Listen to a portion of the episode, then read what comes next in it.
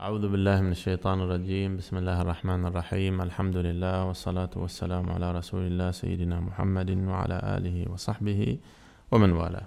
طبعا من القضايا القرآنية المهمة جدا جدا جدا هي قضية ما يعرف الآن حاليا بالتايتل يعني اللي هو الشيء اللي يصف قيمتك في المجتمع يصف قيمتك لنفسك.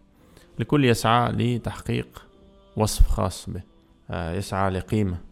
فالمعيار أو آه، القضية القرآنية تناقش هذا الشيء على أنك يجب أن تحقق صفة العبودية الصفة الحقيقية الجوب تايتل مالك في الحياة. في الحياة الحقيقية أنك عبد. خلقت لتكون عبد لله. ف يعني كل مواصفاتك كل مؤهلاتك كل ما يمكن أن تكتسب في هذه الحياة من العلم والمال والقوة و إلى آخره. إنما لتحقيق صفة العبودية وهذا أعظم وصف ممكن تحصل عليه. وأفضل وصف ممكن آه تصل إليه لمعرفة ذاتك. متى ما حاولت تقول إنك إنك أنت ما عبد فإنك ست... لله ستعبد شيء ثاني تلقائيا. لذلك هو الإنسان إما أن يكون عبد لله أو يكون عبد لشيء ثاني وهذا الشيء الثاني هو طريق مؤدي لعبودية الشيطان. ألم أعهد إليكم يا بني آدم ألا تعبدوا الشيطان؟ إنه لكم عدو مبين وأن يعبدوني هذا صراط مستقيم. فالعبودية لله هي أعظم شرف وهي الغاية التي ينشدها جسمك وتنشدها روحك وكل شيء فيك يحاول أو يبحث أنك تحقق في هذا الأمر. طيب. الله تعالى لما امتدح نبيه محمد صلى الله عليه وسلم في موقف الإسراء. سبحان الذي أسرى بعبده عبده. وهذه هذه من أعظم وعباد الرحمن عباد الرحمن. طيب. النبي يوسف عليه السلام عندما أراد أن النبي عيسى عليه السلام وهو صاحب المعجزات الخارقة هو يحيي الموتى. وماذا؟ آه، يرجع الأعمى بصيرا. طيب. ويبرئ الأكمه والأبرص. ويخلق. طيب. يخلق على هيئة الطين طيرا فيكون طيرا بإذن الله. طير حقيقي. فهذه صفات خارقة. معجزات خارقة. عندما ذهب ليعرف بنفسه لقومه لبني إسرائيل ماذا قال؟ قال إني عبد الله. آتاني الكتاب وجعلني نبيا. الناس الحين تخجل. تقول أنا عبد لله. وهذه هذه هذا الموضوع خطير جدا جدا. زين ليش؟ لأنه أحيانا المسميات الوظيفية والمسميات الاجتماعية الشيخ فلان بن فلان المهندس فلان الطبيب الدكتور ما أعرف إيش هذه ال titles هي زينة في تعريف من أنت باعتبار العمل لكن كون حذر منها. زين ليش؟ لأنها أحيانا تحسسك أنك أنت شيء عظيم. وأنت تراك ما شيء عظيم حتى في ساحة العمل. أنت إنسان اليوم اللي تتوفى فيه اليوم الثاني ينزل إعلان replacement حالك. عادي والعمل يواصل. كن من تكون. أنت ما قضية. العالم يمشي بدونك. الخبير الفلان عادي يموت ويجي خبير أحسن عنك. المهندس المخطط البلانر مع أسماء كثيرة لا أول لها ولا تالي. هذه المسميات الآن لما أنت تعيش فيها الدور أكثر من اللازم تبدأ تتصور أنك أنت شيء عظيم. وأن اللي تحتك كلهم إيش؟ أغبياء وحمقى وما يفهموا شيء. وأن الحياة قايمة عليك أنت لأنك تعيش الدور. وهذه أكبر مصيبة. الله تعالى يذكر هذا في امتداح أنبيائه. زين إيش يقول؟ وإن كنتم في ريب مما نزلنا على عبدنا. لما قال إيش؟ وما أنزلنا على عبدنا يوم الفرقان. اصبر على ما يقولون واذكر عبدنا داود. داود عليه السلام وصل لدرجة إيش؟ الملك. ومع هذا لما صفة المديح بأنه عبد لله أقوى من صفة أنه ملك وهو ملك. طيب. وفي بدايات لو تلاحظ جميع الأنبياء منهم الملك لكن منهم الخياط ومنهم النجار ومنهم راعي الغنم النبي محمد صلى الله عليه وسلم. سيد الأولين والآخرين. صح؟ هو السيد. أنا سيد ولد آدم ولا فخر. يعني النبي محمد صلى الله عليه وسلم لا يوجد بشر أعظم منه. والله تعالى ماذا يقول فيه؟ عبدنا. آه الحمد لله الذي أنزل على عبده الكتاب. هذه هي الصفة الأعظم. كذبت قبلهم قوم نوح فكذبوا عبدنا. أيوة. فأنت ما أشرف من هؤلاء. حتى تحاول يعني تنسي نفسك أنك عبد من عباد الله.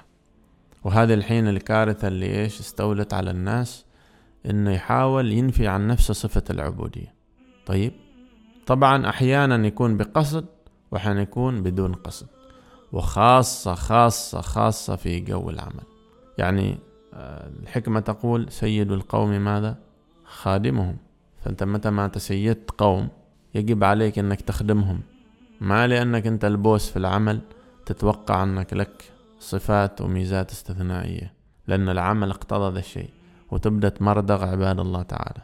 زين وهذه أكبر مصيبة لأنه هذه تتملك النفس فيتحول الإنسان لأنه مدير أو لأنه سي أو أو لأنه مدير عام أو لأنه يسميه تيم ليد وقايد ومع فيش وأشياء وهذه. طيب يبدأ يتقمص الدور على أنه هو إيش؟ أفضل من غيره. وهذه المسميات إنما وضعت هذه المسميات وضعت حقيقة لأجل فقط التنظيم. متى ما عشت الدور بشكل أكبر من ذلك أنت بتبهدل نفسك وتبهدل الخلق ويصبح في خلل. الأمر الأشد من هذا أن هذه الصفات إذا تملكت من نفسك. شيء. أصبح الإنسان ما يتنازل عنها حتى لما يخرج. تراك أنت قد تكون في حدود دائرة العمل مثلا مدير أو رئيس أو أو شيء أو chief أو بيكون. من تخرج أنت تراك إنسان عادي جدا. لا تعيش الدور. أنت إنسان لك وعليك. أنت عبد من عباد الله. فهذه الشحطة أحيانا بسبب الميزات بسبب البرستيج اللي يفرض العمل أتحصله في المسجد وهو بعده في نفس الشحطة. أتحصله في الحديقة وهو بعده في نفس الشحطة. أتحصله في المجلس وهو بعده يطالب بنفس الشحطة.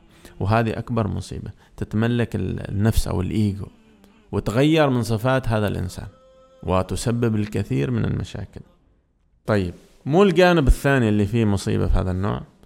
اللي هي صار الإنسان يبحث عن هذه المسميات بطريقة شرعية أو بطريقة غير شرعية يقول لك لازم أوصل حل هذا حتى يكون لي اعتبار. فسببت مشاكل كبيرة يعني قضايا اكتئاب مشاكل على مستوى الحياة آه، الشخصية مشاكل على مستوى العلاقات الاجتماعية يعني محاولات تقمص وبعده يعني محاولات تقمص أدوار أعظم. هي تستدعي حكمة في الأسرة. فقد يكون أنت مسماك في العمل أكبر لكن على قضايا أسرية أنت يمكن في آخر القائمة لأن ما عندك المؤهلات أو الممكنات التي تمكنك من هذا الشيء.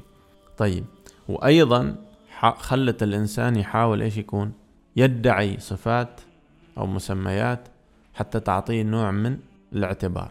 أو صفة اعتبارية. صار عليها قتال. هذه أحيانا تقطع عليك الغاية الحقيقية ليش أنت هنا موجود في هذه الأرض. عندك كم؟ أربعين خمسين عشرين ستين سنة وتروح من الدنيا. فهل أنت حققت صفة العبودية فيك لله؟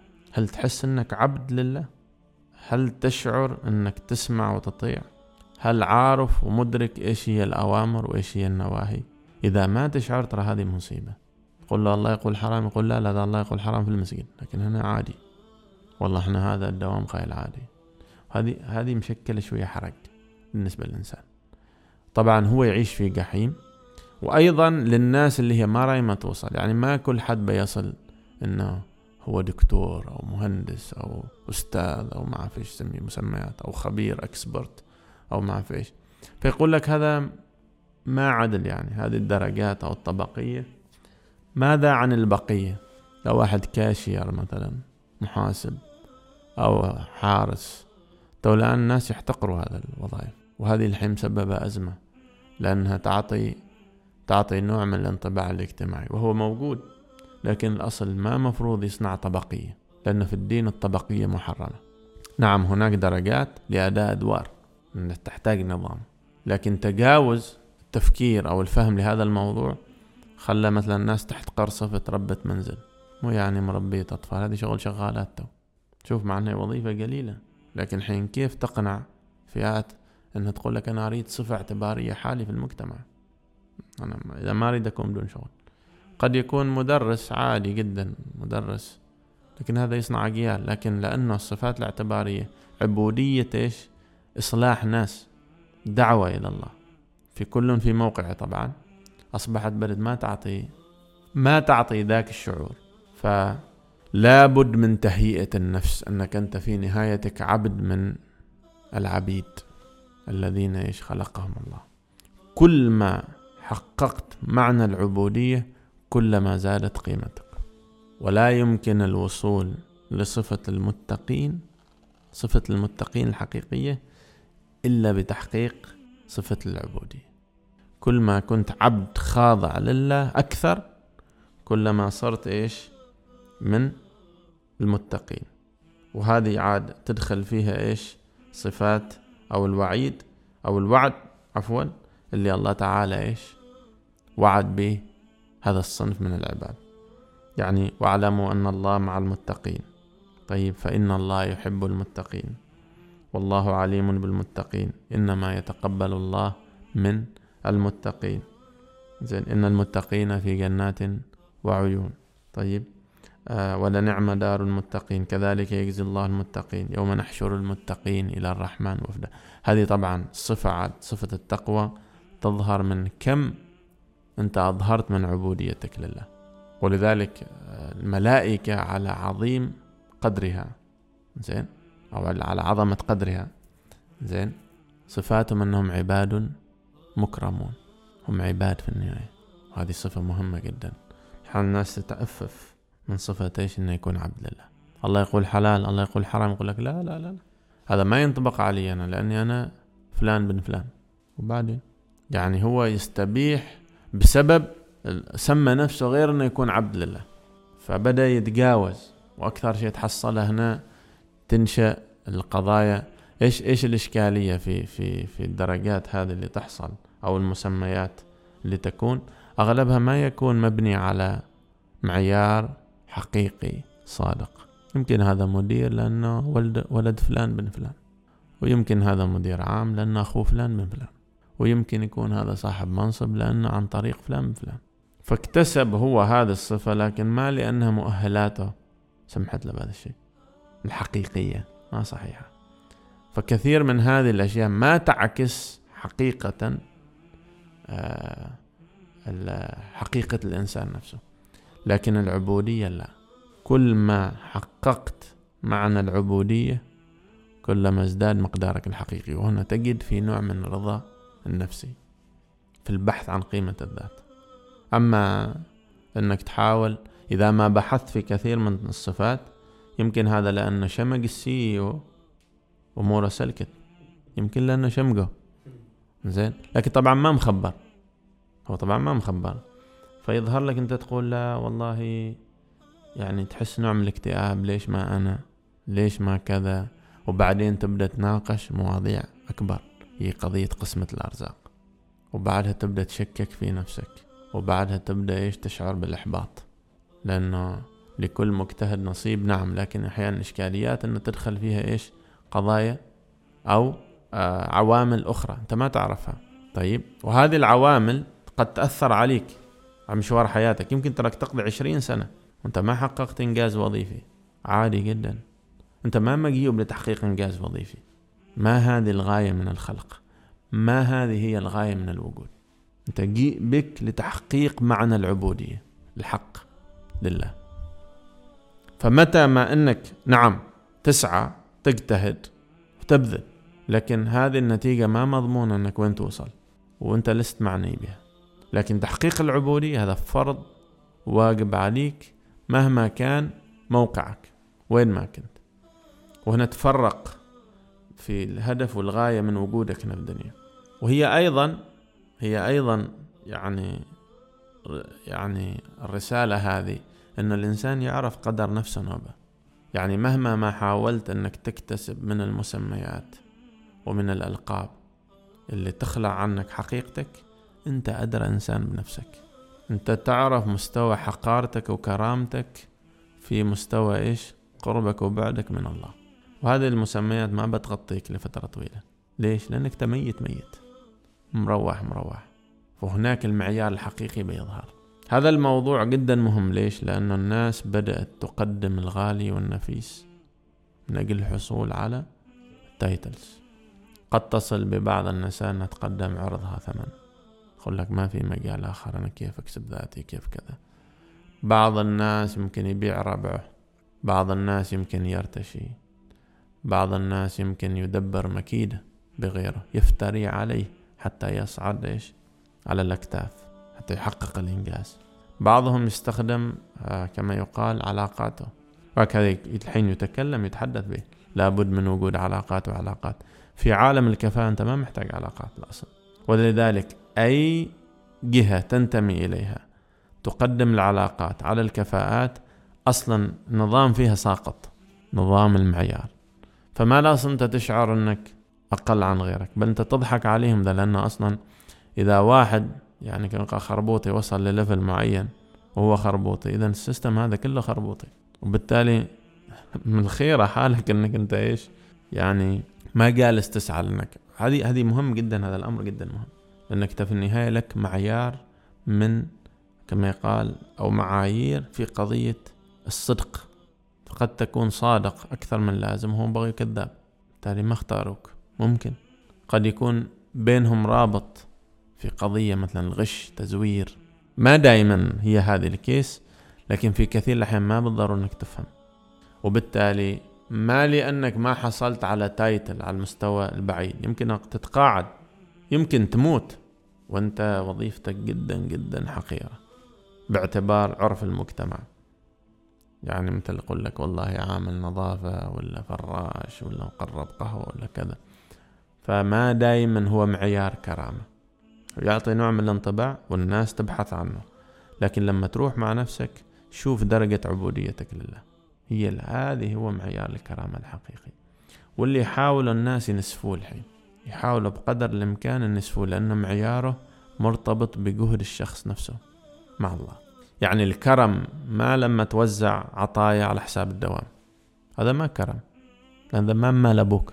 مهما قدمت منه هذا من مال الشركة. أو من مال مثلا الجهة وتعمل فيها أنت ما أعطيت شيء. فلا تدعي الكرم. متى تدعي الكرم؟ عندما تنفق من مالك. وهنا يظهر الفرق بين الشخص الكريم فعلا وبين الكذاب. اللي يدعي الكرم باسم إيش؟ المنصب اللي هو فيه. قال لا فلان كريم ما شاء الله عليه. وصفة حلوة. وذاك يسعى للمنصب. إنه ينال لقب لكن الكرم له ثمن وهو إيش؟ حب البذل. حب البذل يكون من المال الشخصي. ونتفرق. هنا تعرف معنى إيش؟ من هو الصادق من هو الكاذب. قال فلان واجد يضحي وقري في كلمة لكنه يضحي بمو. يعني يضحي بأموال الناس أو بحقوق الناس على حقوق الغير. قال لك ما شاء الله عليه ما يقصر. وهذا لهذا يأتي البحث عن إيش؟ عن ال titles. قال لك أروم أسوي لك واسطة أقدم لك موعد أخر لك موعد أمشي لك معاملة. لكن هل تمشيتك وتقديم موعد هو على النظام؟ إذا أنت تراك ما أنك مسوي خير. أنت أصلا هذا النظام اللي مسؤول عنه هو أصلا إيش؟ فاشل أو فاسد. وأنت سبب أنت سبب فيه. فإعطائك واسطات حال بعض الناس أنهم يتجاوزوه هذا ما كرم ولا حرفة ولا مهارة. هذه مصيبة. وقس على ذلك في كل الجوانب يعني. فهو هنا مثلا تفهم قالك والله فلان شجاع. ليش شجاع؟ لأنه والله آه يروم يكلم المسؤول يضبطنا لكن يمكن المسؤول شمقه. صدي ما شجاع هذا مكلمنه في البيت. الشجاع الحقيقي اللي هو يقول كلمة الحق أو يقول الصح بغض النظر عن التبعات. ما بينه وبين هذا علاقة وبين بينه هذا علاقة وقال كلمت لك فلان وضبطتك وكذا. فهنا معايير ليش البحث عن تايتلز مرة ثانية؟ لأنها فيها إظهار ذات. تعطيك عن نفسك انطباع. تقول والله فلان واجد ما شاء الله يساعد. ما مقصر الطبيب الفلاني المستشار الفلاني يساعد. هو كيف يساعد؟ هو كيف يساعد؟ يتجاوز النظام أو حقوق الناس الآخرين لأنه ذا يعرفه فلان فلان. وهذه هذه مشكلة جدا جدا الحين عويصة مع الناس. لأنهم صاروا ما يفرقوا بين الصفات الحقيقية اللي تظهر الإنسان وتعطيه رضا عن الذات وبين الصفات المصطنعة أو الكاذبة. ومن هنا تنشأ إيش؟ العداوات خاصة في بيئة العمل. لما يكون المعيار مش الكفاءة لكن في عوامل أخرى ظاهرة. فندخل في قضية الحسد. طيب لأن المجال مفتوح. ليش فلان ليش ما أنا؟ ترى أنا مش على الكفاءة. قضية الغيبة والنميمة قضية المؤامرة كل حد يتآمر على الثاني كل حد يريد يطيح الثاني لأن المجال ما أصلا مبني على هذه هذه المبادئ ولكن مسببة أزمة مسببة أزمة كبيرة جدا جدا. وكل ما إنسان مسك منصب بغض النظر تحسه متمسك فيه بيدينا ويقول ليش لأنه يعكس من هو ويبحث عن المديح عن طريق ذاك المنصب أو المنافع ال direct ولا indirect كما يقال. المباشرة وغير المباشرة. فيصبح متمسك بالمنصب بشدة مستعد يقاتل عليه مستعد يبيع دينه عليه. هنا الفرق بين المنصب الحقيقي اللي هو منصب العبودية. النبي سليمان كان ملك يعني ملك على ملك ما ملك فيه بشر إطلاقا لكن ما كان ناسي صفة العبودية. يخشى على نفسه من الغفلة عن ذكر الله. يعني الملك ما عشان يحصل إيش؟ الميزات وهذه الأمور والتسهيلات وخلاص. لا في عبادك هو يريد يكون أحد العباد. بالرحمة يقول له بالرحمة ما بعملي. بالرحمة. والناس ترى تأفف أنه يدخل في صفة العبيد. لأن صفة العبودية لمن؟ لملك الملوك. وهذه هذه شرف. هذا شرف ما بعده شرف. أن تقبل كعبد عند ملك السماوات والأرض. هذا الشيء ما بسيط. فالناس هنا مثلا طبعا الناس لما يختلفوا في التدرج الوظيفي كل حد بيشتغل مع حد. كل حد يخدم في دائرة يشتغل مع اللي على. طبعا كل ما كان مقام اللي تشتغل معه أكبر وميزاته أعظم كل ما كان أنت لك قيمة أكبر. صح؟ يعني مثلا اللي يشتغل مع الموظف اللي يشتغل مع رئيس قسم غير عن رئيس القسم اللي يشتغل مع مدير دائرة. مدير الدائرة عنده صلاحيات أكبر بعد المدير العام عنده صلاحيات أكبر بعدين يمكن الوكيل صلاحياته أكبر عند قاع الوزير صلاحياته أكبر. خلك هنا يداوم مكتب الوزير ما مكتب الوكيل مكتب الوزير شوية أرقى. صح لا؟ هنا يداوم مكتب الحاكم أو الملك أو السلطان هذا درجة أرقى لأنه صلاحية طيب ما بالك إذا كنت عبد عند ملك السماوات والأرض؟ ملك الملوك. هنا صفة العبودية بغض النظر عن مسماك الوظيفي يعطيك قيمة للذات. ما مستعد ولو كنت فراش. لو كنت بتكون يعني اللي هم يحتقروا هذه الوظائف ما تنقص قدرك. ولذلك هنا يصنع نوع من الاتزان بين من المجتمع يحاول يضغط بشكل قوي جدا إنه العبودية لله ما لها قيمة في الميدان. قضية إنك أنت إنسان صادق ومخلص محافظ على أمانة. لكنك خلنا نقول على درجة من الفقر. يقول لك هذا ما إلى قيمة. لذلك يحتقر. ما يعطى قدره. يحتقر ولا يعطى ذرة من الاحترام. لا في المجالس لا في كذا. وذلك هم صفة المجتمع تنعكس في معرفة المعايير الحقيقية للكرامة. أول كان معروف هذا الشيء. حتى لو كان فقير لكن يقول لك هذا فلان بن فلان بعيد عن الكذب. وهي صفة العدالة اللي تعطى يقول لك إنسان عدل ذو عدل منكم. صفة العدالة هذه صفة العدالة هذه ترفع مقام الإنسان بغض النظر عن وضعه المادي ومسماه الوظيفي. فشهادته تكون مقبولة كلمته له كلمة وإذا قال يسمع. طيب لأنه يعتبر صاحب عدالة. متى ما غابت هذه الصفة على الإنسان كائنا من كان يسمى خسيس المنزلة أو فاسق. طيب ليش؟ لأنه معايير الحقيقية اللي هي المعايير اللي معتبرة عند الإنسان أو الإنسان بفطرته ما متوفرة فيه. يعتبر خسيس. قال لك هذا 24 ساعة يسكر إذا هذا عقله ما معه. إذا هذا ما إلى قيمة. حقيقة مثلا اللي شارب الخمر يعتبر إيش؟ أقل منزلة من هذا ولو كان غني لأنه في غالب الأحيان قرارات اللي اتخذها في حياته ماخذنها وهو إيش؟ سكران مغيب العقل. هذا رجل كذاب بالتالي كلمته ما لها قيمة. بغض النظر عن مسماه الوظيفي أنه يكذب. المشكلة أنه كثير الحين المسميات الوظيفية تعلم الناس المراوغة والكذب والحيلة. فتنقص من قيمة العبودية لله فتنقص من قيمة الإنسان. وهو ما داري.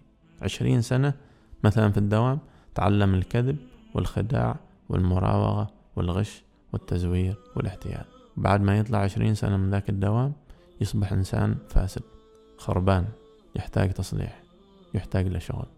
فأحيانا ما الكرامة في في المسمى الوظيفي؟ نضطر يكذب والكذب مصيبة. أيوه. تكلم تكلم يعني يضطر مثلا امرأة تزيل كل معايير حياة المرأة. يعني بينها وبين الرجال ما شيء فرق. بعد عشرين سنة. وكلمة استحياء والحياة هذه تعتبر من معايير الدين. أيوه ضحك ومسخرة ويعني مشي الأمور كامل. السبب إيش؟ مسمى الوظيفة الدوام. تريد تكسب الجميع. تريد تعايش الجميع. يقول لك إذا ذا المنصب لازم تكون على هذه الصفات. إذا بات تنضم حال group مالنا لازم تشاركنا الجلسة الفلانية مع حال كل هذه الأمور كلها يعني لابد توزنها بميزان القرآن. دائما خلي في بالك إن النبي اللي تتبعه سيد الأولين والآخرين وقيل هو أفضل مخلوق خلقه الله تعالى من بين جميع المخلوقات هو النبي محمد صلى الله عليه وسلم كان راعيا للغنم. عشان تفهم معنى العظمة البشرية والجوب تايتل إطلاقا. ليس لها علاقة حتى بمعنى الكرامة. ومتى ما تبنى الناس أو المجتمع هذا الشيء يصبح إيش؟ المجتمع قوي. يعني ما ينظر للمرأة شوف يعني قال تنكح المرأة لمالها ولجمالها ولحسبها وغيره لكن قال فاظفر بذات الدين. والدين هي معايير هي هذه الأخلاق. فاظفر يقول لك كأنك فوز بهذه الصفة. وهذا كان معروف متى ما مجموعة من الرجال تبنوا هذه المبادئ أصبح كل واحد يرفض أنه يلوث سمعته. ما على مستوى يعني العرب حتى على مستوى العجم اللي هم كانوا ينعرفوا حتى غير المسلمين. يعني صفات الإنسان النبيل ما اختلفت. الصدق الشهامة الكرم العفة وغيرها. وهي مجموع الصفات أنك تكون عبد لله بالمعنى الحقيقي. أنت تقول الصدق أنت ما كذاب. لكن مو الفائدة إذا أنت سي ولكنك كذاب. ترى أنت في أخس منزلة مقارنة لو كان في هذاك فراش لكنه صادق. ويجب أن تشعر بهذا بأنك أخس أو أقل منزلة من ذلك الرجل. وعود نفسك على هذا الشيء. job titles حلوات لكن لها إيش؟ تبعات. هذه التبعات تورط الإنسان. لكن البحث عنها لأن هي easy access أو easy road إنك توصل حال الاعتبار للمرضي للذات لكن روح شوفهم واجلس معهم بعد فترة. مو كسب من هذا الأمر. وهذا هذا الموضوع الحين يعني خلى الناس أحيانا تحاول حتى تدعي أشياء هم ما عليه. دخلوا في موضوع الكذب.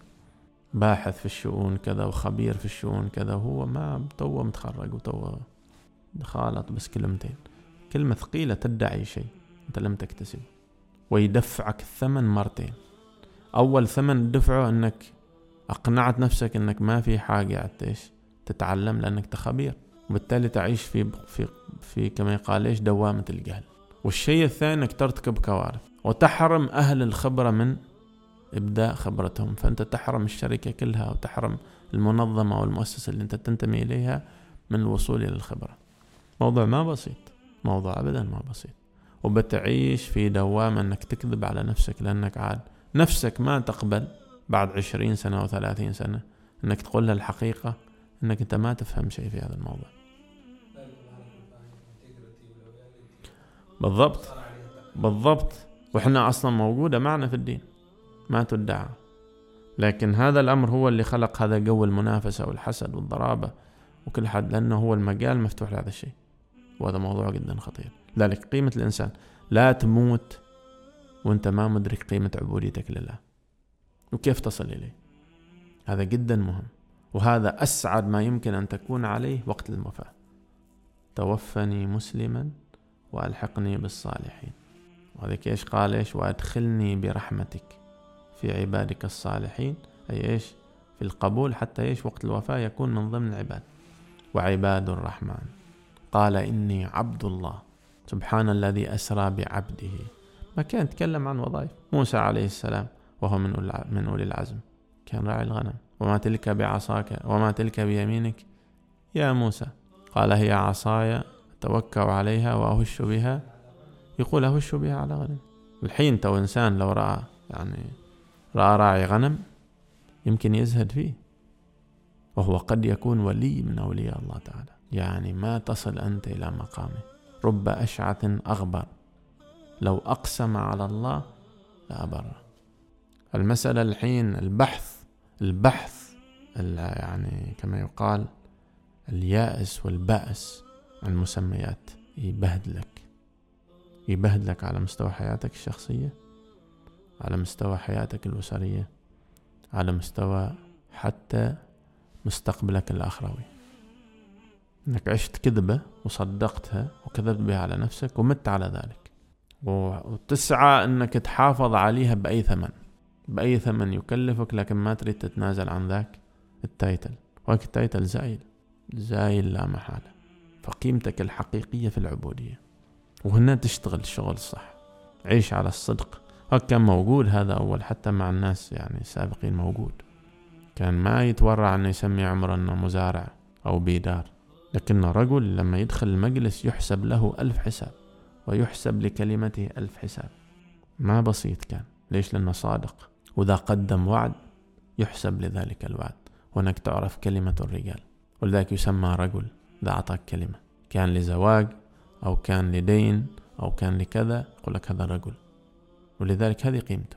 بل إنه كانوا يجيروا يعني الناس يعني وين وين. اللي هو يعرف بال بال في الحروب.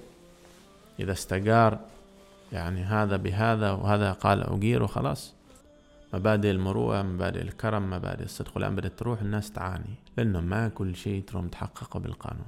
مبادئ العفة يعني مبادئ العفة. بين الجيران يقول لك لا لا هذا يقول لك. وذاك أول كان يقولوا اللي ما يرده اللي ما يرده دينه يرده أصله ونسبه. إذا انتمى لمج... يعني أصله انتمى لمجموعة من المبادئ. فيقول لك الأولاد فلان بن فلان وحتى القبائل اكتسبت يعني قيمتها الاجتماعية كان من المبادئ ليس من المسميات الوظيفية. قال لك آل فلان أو قبيلة فلان ترى خلاص إذا أعطى كلمة نفذ. إذا قال صدق فيقول لك يرد فلان أصله مو يعني يرد أصله. يعني فذي الأسرة ما عهد عليها الكذب ما يرم هو يكذب لأنه يلوث سمعة إيش؟ الأسرة بالكامل. هاي المبادئ كان لها قيمة وتعطي وترفع وتخفض الإنسان. ما يشفع لك شيء. وقد يكون أنت مسماك من أكبر المسميات يقول لك هذا فلان كذاب أعرفه. أنا أعرفه كذاب. قال لك يرقيك كذاب. ماشي منه. يخسر هو يخسر لكن هو ما داري لكن هو يظن مكسب. لأنه يريد يحافظ على بعض الأشياء. فيضطر أنه ذلك بعض المسميات بلى. أكثر منها شرف. لأنها تجبرك أنك تقابل العامة فإما تقول لهم الحق وبالتالي تهاجم لكن قول الحق. أو أنك تكذب ومشت الأمور سنة وبعدين تتورط. والكذاب لا يصدق. هو يخسر صفة العدالة اللي تقال هي صفة العدالة. يقول لك هذا حتى شهادته ما مقبولة ترى. الأصل في الدين شهادته ما مقبولة ما, ما لها قيمة شهادته. لو شهد على شيء قال شفت ما يصدق. يعتبر كذاب ما عدل. الشهادة ما كل حل. ولذلك هي جزء من المعاملات. متى ما خسر الإنسان كلمته مصيبة يحسب له حساب. لهذا صفة العبودية لله. طبعا العبودية مرة أخرى هي إيش؟ هي الطاعة المطلقة فيما أمر الله والانتهاء المطلق عما نهى الله. بالتالي هذه هي القضية وهذا هذا ترى ما شيء سهل. لا تظن هذا شيء سهل. أمام الناس يمكن أنت تدعي العفة وبغض النظر عن مسماك الوظيفي. تكون أحسن طبيب وأحسن مهندس وأحسن بزنس مان تاجر. لكن أنت مجرم. يعني تقارى في الزنا ولا تشرب. هذه كلها منقصة لقيمتك كإنسان. ما تتغطى. ولذلك أكثر الناس عداوة للصالحين هم أكابر الأكابر. من هم الأكابر؟ أكابر المجرمين. لأنه المجرم مهما على مهما علت قيمته ماديا لكن معنويا يعرف أنه هذا أرفع عنه وأشرف عنه. ولو كان بيدار يعادي لأنه يريد يطيحه. طيح له قيمته طيح له كلمته. وهذا تجده أحيانا في الدوام. يعني يكون يعني صاحب الرئيس مثلا في الدوام CEO ال senior ولا ال manager ولا ابو يسميوهم والاستشاري أول وكذا يحاول يطيح مثلا صاحب وظيفة صغيرة كذا. ليش؟ لأنه هذا حارقنه ده ما يزور التقارير ما يكذب يقول الحقيقة. يقول هذا يعني كيف هو أشجع مني؟ يعني منطقيا معنويا هذا أشرف من هذا. لكن حسب الاعتبارات المادية هذا يعني المدير أو السي أو كذا أفضل من هذا. فهو داخليا يعرف هذا الشيء. يعرف أن المبادئ. ولذلك لما جاء معيار التقوى العبد الحبشي أصبح سيد في المجتمع. قال سيدنا بلال. وإحنا تو نقول سيدنا بلال. من بلال؟ بلال عبد حبشي اعتقه من؟ أبو بكر الصديق. لكن لأن المعيار الحين معيار تقوى. ولذلك قام قامت معايير اجتماعية يعني ما حد رام يفكها. وهي اللي أسست إيش؟ أسست الحضارة الإسلامية. معيار التقوى. من أصدق واحد فينا. ومن منا أكثر خوفا من الله وأكثر أمانة وأكثر قوة في الأعداء. هو اللي يمسك. يرجع المعايير اللي هي السابقة في قضية المسميات الوظيفية. ولهذا إذا خيرت بين معايير القرآن في قيمة الذات والمعايير الحالية الوظيفية أنك حصل أي وظيفة بأي ثمن وبأي حيلة لا تترك معايير القرآن. توديك إذا تركتها واخترت هذه المعايير أنت رايح ستين داهية باختصار. بتعيش أكبر كذبة وبتعيش اكتئاب ولو الظهر أنك أنت مبسوط وكذا. زين لابد من تقول الحقيقة. هذا جدا مهم. ويعني هذا موضوع حقيقة جدا مهم. ليش؟ لأنه الناس أصبحت تسعى للمسميات وإفصاح عنها وإظهارها لأنها تعكس يظن هو إذا قال أنا آه، أنا كذا كذا أو إكسبرت أو ما أعرف إيش أو كذا خلاص هو اختصر الطريق مع العشرين سنة. أو إذا طلع عن طريق واسطة أو بحكم علاقة مع فلان أو فلان شمق ود عم ود خال عم خال. وصل حال هذا المنصب بسرعة كأنه هو كان أفضل واحد وكذا فأعطى فحصل على هذه الميزة. لكن أدرى إنسان بقيمته هو الإنسان نفسه. هو يعرف زين زين يعني مستواه الحقيقي. هذا أهم شيء. وإذا أنت تعرف نفسك يكفيك. خلي البقية. هذا قدرك. ما تعرفه أنت عن نفسك حقيقة. أشرف إنسان ومخلوق على وجه الأرض كان راعيا للغنم. هذا الأمر اللي هو المهم. طيب وهذا أمر ليش مهم جدا؟ لأنه إذا اشتغل الإنسان عن إصلاح ذاته إصلاح القيم اللي هو يتحلى بها وأصبح إنسان كما يقول يعني على حسب مقتضيات الواقع هو يتشكل راح يعيش دوامة أو دوامة وهم. مصيرها في النهاية دمار. وإذا ما في الدنيا والآخرة بيكون في الآخرة. مئة في المئة. طيب؟ ف... وهذا ذكر أو أشير إليه في كتاب الله تعالى مسببات الهلاك. قال إيش؟ يا ليتني لم أوت كتابيه ولم أدري ما حسابيه يا ليتها كانت القاضية ما أغنى عني مالية. أول شيء هذه المشكلة الكبرى. ما أغنى عني مالية. والثانية هلك عني سلطانية. وهو إيش؟ قوة النفوذ والمنصب. إنك كان عندك قدرة تسوي وكذا. وهنا عاد المصيبة. خذوه فغلوه ثم الجحيم صلوه ثم في سلسلة ضرعها سبعون ذراعا. فاسلكوه. مو المشكلة. إنه كان لا يؤمن بالله العظيم ولا يحض على طعام المسكين. ما ما كان يطعم مسكين لا يحض على طعام المسكين.